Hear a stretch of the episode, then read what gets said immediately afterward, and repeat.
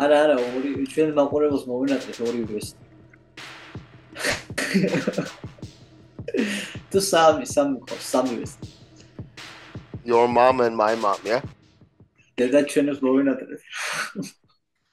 Best country, Georgia! Ah! Tata, let's go, man!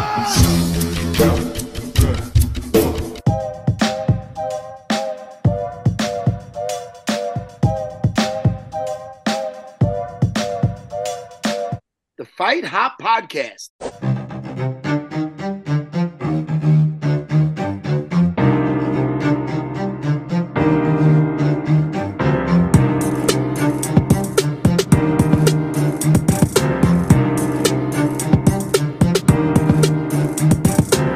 This was his big mistake. Fight for Georgia.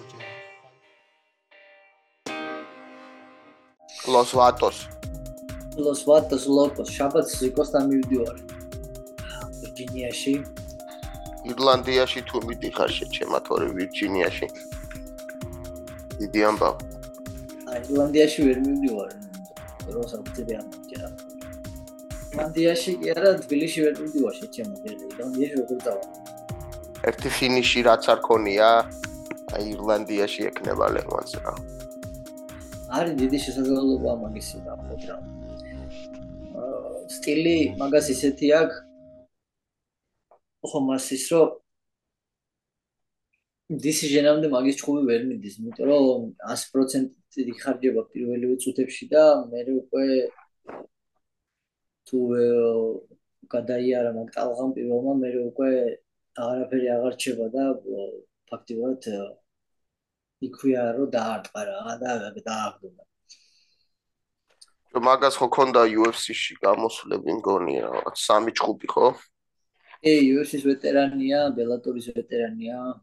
ან ეს არის მეათე ნომერია ახლა და ბაი მოგია ამ მას რა ქვია რენკინგს და განთესვას ბრძოლების ვინაკეთებს და რა პრინციპით აკეთებს მედია აკეთებს რა ჟურნალისტები იმაშვებიან მაგრამ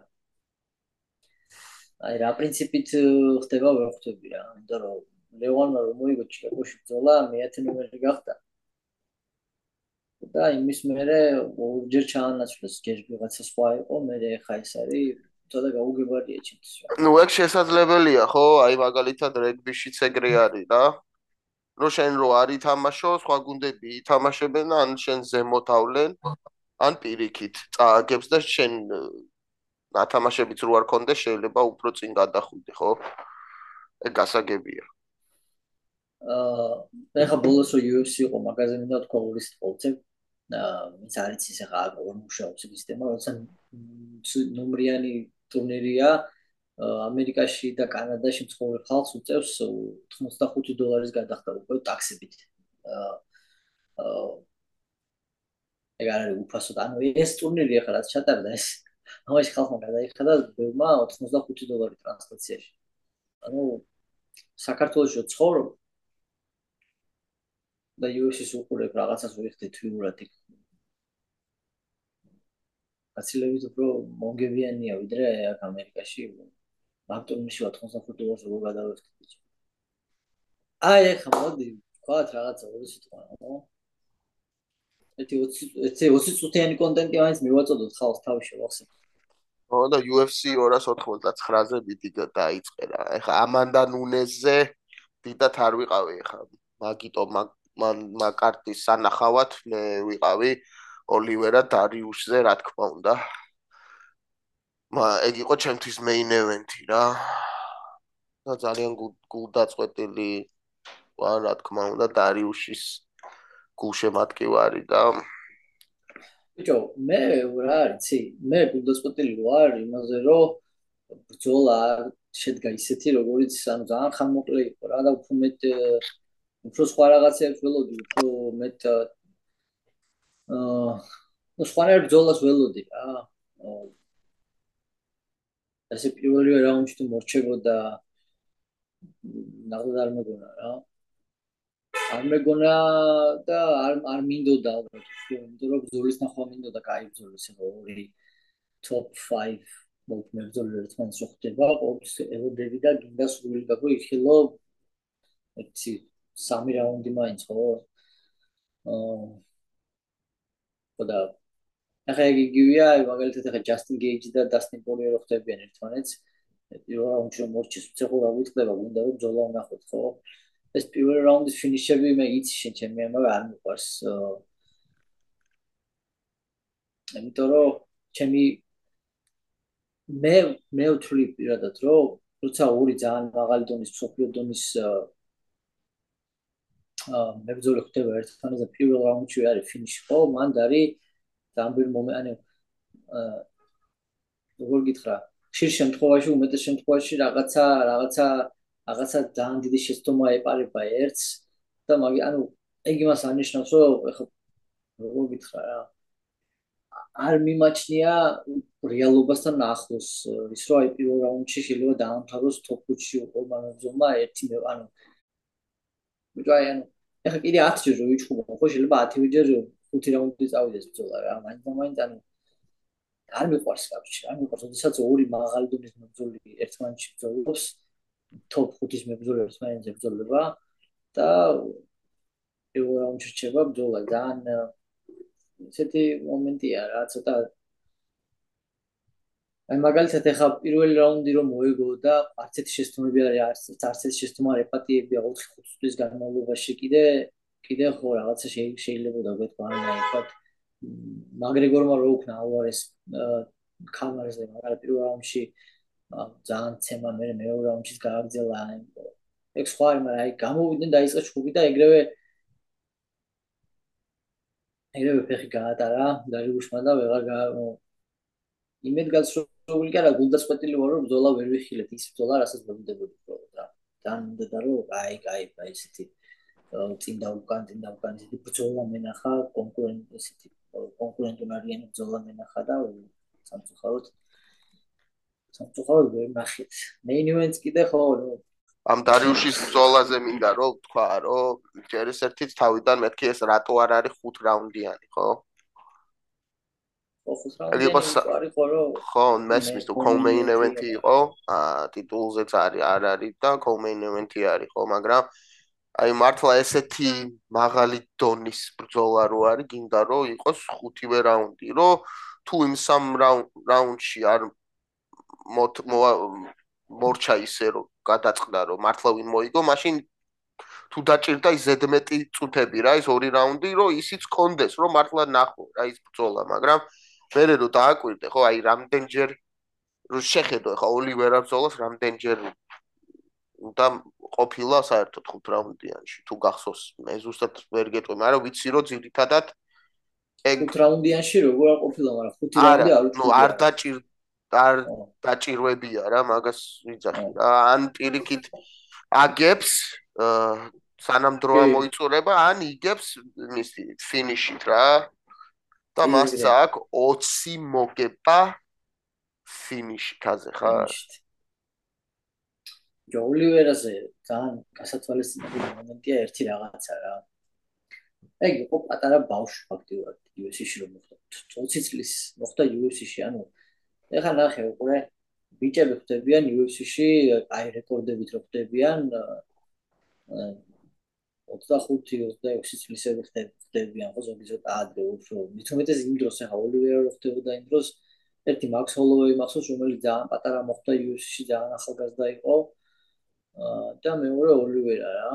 ფაქტიურად ის პერიოდი აი თავიდან რომ უნდა ებძოლო ისე ცოტა დაბალი დონის მებძოლო რომ გაიზარდო, გაიზარდო, გაიზარდო რაღაც დონის მიაღწია და მე რომ კონკრეტულად შევებდო, ამას არ ქონია, ამას პირდაპირ UFC-ში მოუწია ბძოლა რა და მაგის გამო ძალიან ბევრი წაგებები დაუგროვდა ხა რთულია როცა ახალგაზრდა ხარ, პატარა ხარ, გამოუცდელი ხარ, ჩამოუყალიბებელი ორგანიზმი და სულ აი ტოპებს ეჩხუბები რთულია წააგებ ბძოლებს რა თქმა უნდა რა. ხო და მაგიტომაც მაგის რეკორდს რო გადავხედოთ, ეხლა თქვა, ესე ვთქვა, აქვს წაგებები სამ, მაგრამ სულ კაი მებრძოლებსა და სოლიდურ მოწინააღმდეგებს არ აქვს წაგებები და მაგრამ მეორე მხრივ ძალიან დიდ პატივისცემას იმსახურებს, რა როგორც მაგას შემოაბრუნა მე თავისი კარიერა, იმიტომ რომ ძალიან ბევრს აგებდა ერთი პერიოდი, ისე იყო რომ აი უკვე ვფიქრობდი რომ აი შეიძლება ამან ვაფშე დაანებოს მეთქი თავი, მაგრამ მე ზონაში აიწია რაღაცები მენტალურად შეცვალა ალბათ ფიზიკურად შეიცვალა წონა რომ მოიმატა და იმაზე გაცილებით შორს წავიდა ვიდრე მეგონა ახლა ყოველთვის ხედავდი და გასაგები იყო რომ ნიჭიერი მებძოლია მაგრამ აი ესე ამდენს თუ მოახერხებდა ნაუდა არ მეგონა რა და თან რატო იცი კიდე დაცვა არა აქვს? კი მაგარი შეტევა აქვს დგომში მაგრამ უტევს ძალიან სახიფათოა პარტერშიც მაგრამ უტევს ძალიან სახიფათოა მაგრამ დაცვა არა აქვს. არც დგომში აქვს დაცვა და არც პარტერში. თავს ანუ ფაქტიურად არიცავს რა თავს არ მოძრავებს პარტერშიც. აა რო გიტევს თუ აი מחაჩემო რო შეუტია ხო აქეთ პარტერში არც ერთი დაცვითი ის არც მუხლი გამოუყენები არც რაბრიგარდი გამოუყენები არაფერი აბსოლუტურად უბრალოდ გაყვა რა. ესე ესე ესე ემართება სულ ანუ თავს არიცავს მე არ ვიზახი რომ არიცის როგორ უნდა იცოს მე. უბრალოდ არიცავს ანუ ეგეც მენტალური რაღაცაა შეიძლება რა. აი მაგალითად ჩელსონენს ქონდა ეგეთი სენი კარიერაში. ყველა ბძოლა რაღაც ანდერსონ სილვას ჩათვლით რა ყველა ბძოლა ქონდა წაგებული მეორე რაუნდში ყველა ბძოლა ქონდა წაგებული სამკუთხედის მახრობელი და მენტალური ბლოკი ქონდა რაღაცა მეორე რაუნდს აი რაღაცა ის იყო ტაიმლაინი და იგებდა მანამდე ყველა ბძოლას და მე აგებდა ზუსტად ერთ და იგივე რაუნდში ერთ და იგივე ილიცით ერთი პერიოდი რა. და მე მაგას ფსიქოლოგთან მისვლა დაჭირდა და ესა და ამათელი მუშაობა დაჭირდა რა. ამასაც შეიძლება აქ ეგეთი მომენტი რომ აი არჯერა შეიძლება შეუძლია დაიცვას რაღაც ფსიქოლოგიური მომგლიჩი აქ რამე შეიძლება და მაგიტო არ იცავს თავს არც პარტერში პარტერში რო ეგრე წააგო მახაჩებთან გამიკვირდა იმიტომ რომ განაიმტო რა მახაჩები მაგარია პარტერში და არ გამიკვირდა რომ მოუგო მაგას კი არ ვიზარდი ბოლო ამან რო წინააღმდეგობა არ გაუწია ისე როგორც ვთქვათ მაგის დონეზე მყოფი მებრძოლი გაუწევდა მithumedes grappling-ში ეგ ეგ მაგან გამაკვირვა რა. მაგრამ ნუ შაბათს მაგრა მაგარი საღამო ქონდა სავარაუდოდ კიდე ერთ შანს მიიღებს מחაჩევთან და ნახოთ. მედი ამჯერად უფრო უკეთ მოიმზადება და უფრო სწორად ნუ ეგეც ჯერ არ არის ახლა მა ესე რომ თქვათ ეგრე არ არის ახლა რომ აბა ვინ? გიო პორიე და დასტინის შორის გამარჯვებული რავი ამდულად დიდი შანსი არის რომ ან პორიე ან ჯასტინ გეიჩი თან ეგ ბრძოლაც თუ ეგრე ეფექტურად დამთავრდა, ხო იცი, ეკნებათ ისა, რა ქვია. აა, რა ქვია იმას, ანუ recency bias რა, ანუ ეს ეხლა მოხდა, ხო ეს ბრძოლა და ეხლა რახან ეხა მოიგო, მაშინ ვინ უნდა იყოს, ხო, რა თქმა უნდა ოლივერა და ის ბრძოლა მოგვიანებით იქნება და უფრო ახლოს იქნება, ანუ ბოლო ბრძოლა იქნება ის Poirier და Gaethje და თუ მანდაც ეგეთი რაღაც ეფექტური ფინიში იყო, უეჭველი ექნება მაგას ან პორიეს ან გეიჩის, იმიტომ რომ მაგათ არა აქვს შეხვედრა არც ერთ მახაჩევთან რა და ის მახაჩევზეც არის походу რა ეგ. როცა ჩემპიონი ხარ და ну უკვე დამარცხებული ყავს ერთი და მეორე მოდის მეორე ისეთი ადამიანი რომელიც პორი არის ან გეიჩი ორივე დიდი სახელი რომელიც ძალიან დიდ pay-per-views ფულს აკეთებენ რა ვიცი, ჩემთვის არ არის გამორიცხული და არ ვარ დარწმუნებული, რომ ოლივერა იქნება, ჯერ უნდა დაველოდოთ მაგ ბრძოლას, ოღონდ ერთს დავამატებ. აა ძალიან დიდი პაუზა გამოუვა მაშინ მახაჩევს. ხო გესმის? ანუ უკვე რამდენი ხანია იბრძოლა ხო მახაჩევმა იმასთან ვოლკანოვსკისთან. ეხლა კიდე თუ დაელოდა იმის ბრძოლას, ჯასტინ გეიჩის ბრძოლას და პორიეის, აა მერე კიდე ხო უნდა დაელოდოს რომ ანუ ტრეინინგ კემპ და რეკავერი ძალიან დიდი გამოდის და არ ვიცი რა. არა მალე დაუნიშნავენ მაგბძოლას ელოდებიან სავარაუდოდ ხო და ნახოთ აბა როგორ მაგას სხვათა შორის ლიონ ედვარდსი უნდა რა. აი მაგას რო კითხო უეჭველი ლიონ ედვარდსზე ლიონ ედვარდს თავისი საქმე აქვს აი მახაჩევზე გეუბნები თორე ლიონერდოს ვიცი. ხო და მაგას თავისი პრობლემები აქვს თავის კლუბში, რა ქვია, წონით კატეგორიაში და ლიონერდოს მახაჩევი არ შეიძლება ემზობა დარწმუნებული ვარ აა ერთადერთი მეცოდება ჩენდლერი ძალიან ბიჭო რა. იმიტომ რომ შეტენისის მაგრეგორთან აი ეს ultimate fighter-ის შოუს ჩაწერა და აღინიშნა თუ ჩქუს მაგრეგორთან და მაგრეგორი მაგრეგორი ისევ იმაშია კოსმოსშია რა აბსოლუტურად ტიპი საერთოდ სხვაგან არის რაღაც არც არის ჯერ უსადას იმაში არც ტესტ ტესტებს არც არ გადის მომიბა შეიძლება არც შედგეს ეს ბძოლა და ტიპი თულა დრო დაკარგა რა მაგრეგორის წდაში რა. აქამდე შეეძლო ბძოლები აიღო და მოიგო ერთი ან ორი ბრძოლა და შეიძლება კამარდაც მისულიყო რა. თუ 6 თვე უნდა ხო?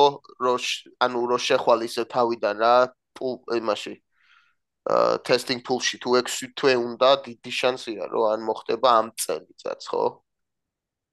თუ ჯერ არ არის წლის ბოლოს წლის ბოლოს თუ დანიშნეს ეგ ბრძოლა კიდე კაი კაი იქნება, მაგრამ მე რასაც უყურებ ხა, რასაც ხედავ მაგრეგორი როგორც რასაც შვება როგორც იმაშუა ხო?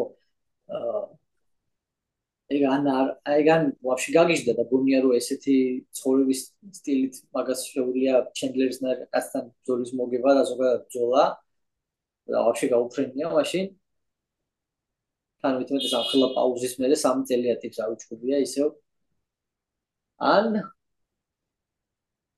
უბრალოდ არ შედგება ეს ბრძოლა რა. და ერთი კითხვა მაქვს შენთვის.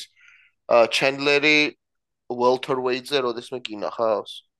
არა აუჩქუბი არ არის ნუ რაც ბელატორში გადმოვიდა ყოველ შემთხვევაში და მე UFC-ში მაგ მაგ პერიოდში მაგიდან არის ემი აზრით ეს ბრძოლა lightweight იქნება კონარი აი როგორ ფორმაშიც არის როდესმე lightweight-ში კიდე იჩხუბებს.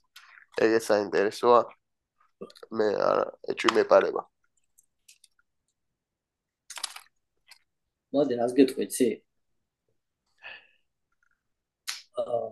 კონარი is a მე big boy. ზოგადად ზოგადად რატომღაც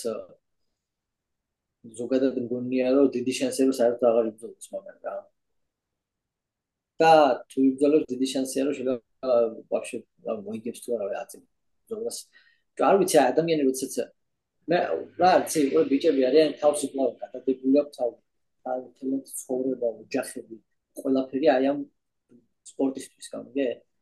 და შეუძლებელია აქ მაგრეგორი ცხოვრობდე და შემოხვიდე უბრალოდ შემოვარდე და აი ეს კინო ხო არ არის ეგრე არ ხდება რა. ეხა მაგი უკვე იმდენად ჩამორჩა უკვე და ეს ყველაფერი კარგად გამოჩნდა კორიესთან ბრძოლებში. ჩამორჩა უკვე დინება სამ სპორტის ძალიან ჩამორჩა უკვე რა.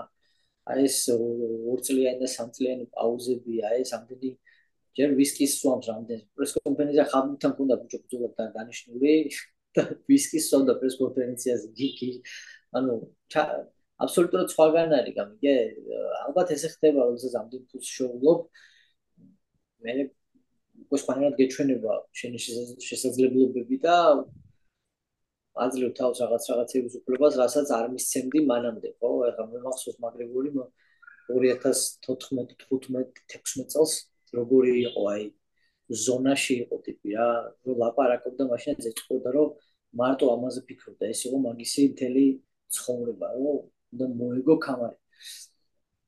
მაგის მერე უკვე შეურა. პრინციპში რა, მაგარი კამრები მოიგო, კაი ფული დიდი იშოვა, ერთადერთი ადეცლება გული ის არის რომ პრაიმში ჩვენ მაგრეგორი არ გვინახავს არასდროს, ანუ თავის ფორმის პიკში როგორი იქნებოდა რა. არ არ გვინახავს არასდროს და კაი იქნებოდა რომ გვენახა, მაგრამ 26-27 წლისა უკვე მაგან ფაქტიურად იმდენი ფული იშოვა რომ მაგის მერე ზრდა შეწყვიტა როგორც მებრძოლმა სამწუხაროდ და აი მებრძოლის პრაიმი არის აი 30-32 წელი რა. თუ ის გამოცდილება და კაცური ჯანი ხდება ერთმანეთს და ქმნის ყველაზე საფათო ვერსიას იმ ადამიანის. და და აი ვერ ნახეთ სამწუხაროდ. მაგრამ ნუ არა უშავს. მაგაზე მაგის გარდა მაგაზე უარესი რაღაცები ხდება ცხოვრებაში და მაგის გარდა იმდენი რაღაცა ხდება MMA-ში, მოსაწყენი მოწყენის საშუალებას არ გვეძლება რა დღეს იმდენი შოუები, იმდენი ბრძოლები, ასე რომ ო, ნახოთ. You tune into the Cartwellians on the Fight Pod podcast. Fight Pod, yeah. ათაშორის არ ვიცი, ჩვენ პრინციპში არ დაგვიანსებია ლევან სტროხელს ეკნება დუბლინში, აგრეგორზე რა ხამსაუბრო, წავალ კონური იქნება იქ. ლევანი კერავდა დღეს რა წამოდი დუბლინში, მაგრეგორის იქნება ვიქა ნახაო გაიცნობო. აა, ბიჭო, ის საუნები წავიდოდი, მაგრამ ვერ მივდივარ რა, ანუ ცოტა სარისკოა რა, ახლა მე მე შეიძლება ისა მაქვს. ჯერ თვითონ green card არ მაქვს კიდე ველოდები და travel passport-ი მაქვს და მაგ travel passport-ით რო წავიდე წავიდე არც მაქვს ეგ უნდა გავაკეთო მალე კეთდება პრინციპში მაგრამ რო წავიდე მაგითი და მე არ შემომიშვა უკანაზე ცოლშვილი აქ დამჩეს და მე ვერ შემოვიდე ახლა ყველაზე ხარ მინდა რისკები და ისა. თან ირლანდიისას ცალკე ვიზა უნდა ბრიტანეთს ცალკე ვიზა ჭირდება ვიდრე ევროპას და მთელი ჩახლართულობა ეს არის რა სიტუაცია და ამ ამას ალბათ ტელევიზორში ვუყურებ მე ამ ძოლას არა თავია მოიგოს. მიგე თავია მოიგოს რაღაც გეგმები აქვს მომზადების ამბავში ცოტა სხვა რაღაცები აქვს გეგმები არ არ ვიტყვი ხარ ეს იმიტომ არ ვიცი ამდენად უნდა რომ გაახმოვანოს. აა მაგრამ საინტერესო იქნება ძალიან აა საინტერესო ბრძოლა ეს პრინციპში პრინციპში პირველი 2-3 წუთი არის ყველაზე სახიფათო ბრძოლაში ლევანისთვის რა იმიტომ რომ ომასი როგორც ესეთი რაც რო ხანგრძლივი ხდება ბრძოლა, უფრო თავისი თავის უარესი ვერსია ხდება და უკლებს. ჯოხელი კიდე რაც უფრო მიდის ბრძოლა და გრძელდება, უფრო და უფრო მეორე მესამე რაუნდში უფრო მაგარი ხდება რა, უფრო აა უფრო საინტერესო ხდება როგორც მებრძოლი რა და ნახოთ.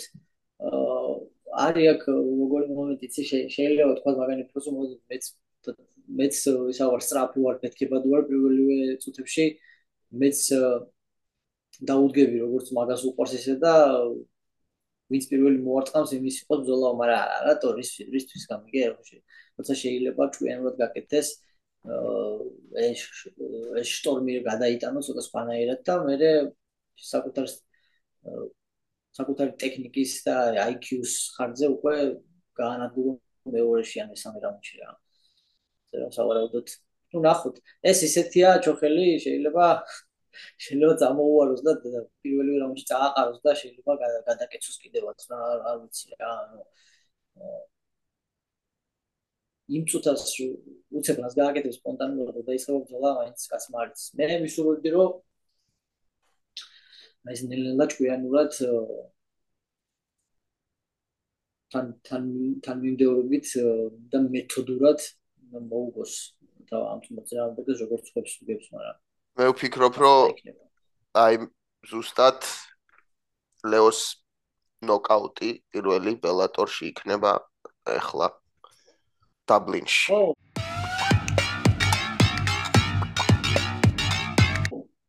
მე მე ეგ ფინიშების ამ მე ფინიშების თემა საერთოდ არ არ არ მაღელობს.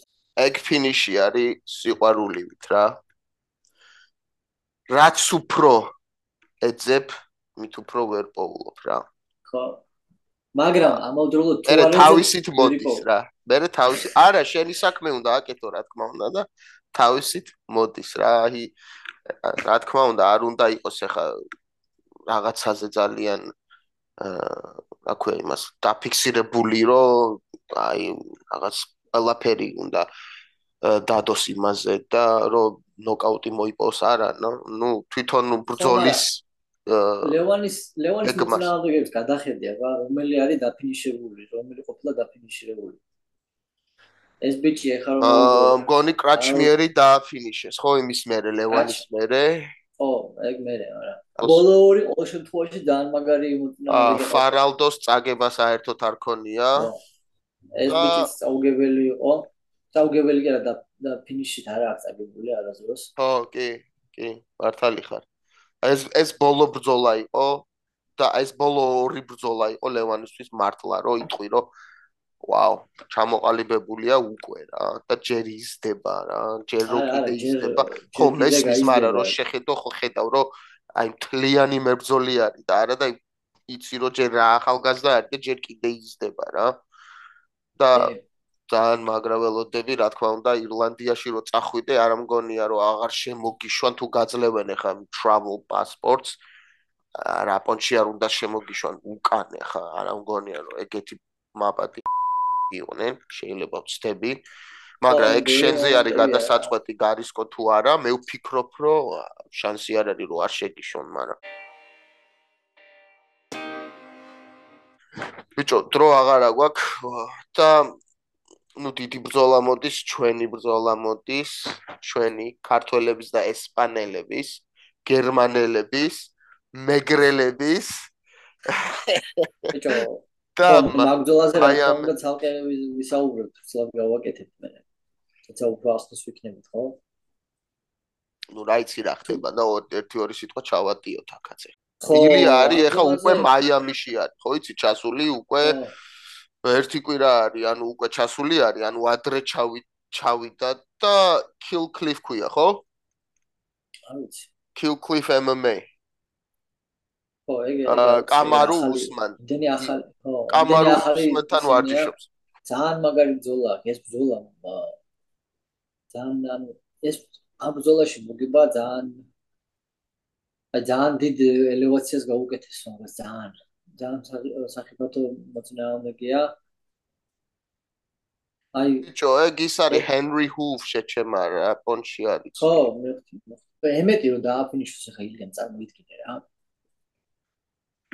დეინა გამოვა ეს კონფერენციაზე და ემენა ცაში აიყვანს ქებადიდებით რა და ზუსტად მერე გამოვა ის ბრაიან ორტეგა რა. და ჩაეკვეხება ტიტულამდე რა. ხო ხო აა ძალიან რა თქმა უნდა მოგებადი ბრძოლა ილია სავარაუდოდ ისევ თავის ბოქსის ხარზე შეეცდება ამ ბრძოლის მოგებას არ არის გამორიცხული აა არ არის გამორიცხული პირველი გაცვლის შემდეგ ე, შეიძლება ემეტ- ემეტმა რომ სატოს პარტერში გადაყვანა მაგრამ გააჩნია პირველი გასვლა როგორ წავა. მე ემეტიც ძალიან სახიფათოა თქომში ძალიან ძლიერი დარტყმა აქვს თავისი ხელების იმედი აქვს. ძალიან მაინტერესებს ილია როგორ გეგმავს ამ ბრძოლის წარმართვას ძალიან მაგრამ მაინტერესებს. მე ვფიქრობ მაინც რომ ალბათ ბოქსის და ტექნიკის ხარჯზე შეეცდება რა ორივეს რა, ემიცსაც და ილიასაც აქვთ აი ეს ბომბა ხელებში რა. უბრალოდ ეს ბომბა შეიძლება შენი მტერი იყოს, იმიტომ რომ ძალიან ენდობი მაგ- მაგას და იცი რომ იმდენად გჯერა რომ მე ზედმეტად იწევი რა. overextend man. მოგესმის, რა პოზიცია? არის რომ ე- ემეტს ის ტექნიკა არ აქვს პრინციპში ხა მაგრამ აა როდესაც პატარა ხელთათმანები ჩხუბობ მან უფრო მეტი შანსი აქვს გაქვს ტექნიკის გარეშეც რომ რაღაცა გა- გააკეთო ისეთი რა ბიჭო, ჩემი აზრით იქნება ეს იმინა gunslinging, ხო? ხო მაგრამ ვიცი რომ ილია ყოველთვის შედის ყველაზე მარტივი გზით უნდა მოგება, ხო? აი თვითონ ჩვენც რო ველაპარაკეთ, ხო, ეგრე თქვა, რომ არის რაიან ჰოლთან ეხა რომ ბრძოლობთ ხო, რომ აი არ გინდა, გინდა რომ ჩახვიდე მაგასთან მეთქი, რო ვკითხე და არა, რატო? ეგ არისო მაგისთვის ყველაზე რეალური გზა მო- მოგებისთვისო და ჩემი არის ყველაზე მარტივი პირიქით რომ მან დარჩავყვე, ხო და აა მე მგონია რომ კაი იქნება თუ შეურებს რა ილია რა? თავის ბოქსინგით მე პირიქით რომ შეუვიდეს რა? და ჩაიყვანოს რა? um the play with him on the floor. ჩემი აზრით კაი იქნება მაგრამ ვიცი რომ განსლინგი იქნება რა. ხო მაგრამ რა გავიყვეს რომ აა, ჯოშ ემეტი არის ალფა მეილი და უნდა ალფა მეილი არის ცნობილი თავის გიეტინით ყველას ალფა მეილს ვინც ვარჩევს ყველას აქვს ძალიან მაგარი გიეტინა. ასე რომ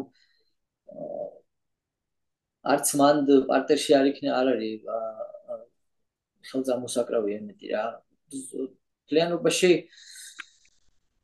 თლიანობაში აა სავარაუდოდ კი არა და 99% დარწმუნებული ვარ რომ ფინიში იქნება ამ ბრძოლაში რა. ანუ ეს ბრძოლა არ წავა 5 რაუნდი ჩემი აზრით რა. ძალიან დიდი აბსოლუტურად გეთანხმები ხო, არა, დიდი ალბათობაა რომ ეს არ დამთავრდება. სამი რაუნდის ქვე ქვემოთ ხო, სავარაუდოდ. ხო, ძალიან სამი დიდი- რაუნდის თუ- ქვემოთ იქნება ეს და ძალიან ბევრი ის არის horse power არის ამ ბრძოლაში იმისთვის რომ 5 რაუნდი გაგრძელდეს ასე რომ აა ნახოთ მაგრა ველოდები ძალიან მაგრა ველოდები და მაგარი ბრძოლა იქნება მოკლედ ხალხო 119 ეპიზოდი ისევ თქვენთან. რომეო და გიო უღრმესი მადლობა დროებით გემშვიდობებით. აბა კარგად რო რაღაც ცოტა ცოტა ვისაუქენით ახლა. ვიმაინოთ ჩვენ უბრალოდ ძირთად ლიას ბრძოლას ველოდებით და აი ლიას ბრძოლის შემდეგ მადლ ღმერთის წყალობით ყველაფერი ჩვენ სასარგებლოდ დამთავრდება. მე ალბათ უფრო ისეთ ეპიზოდს გამოუშვით რა, გაიმსუბეს რა. და თუ კიდე დღემდე ჩვენთან ხართ, უღრმესი მადლობა მოგითხვა ყველას დროებით.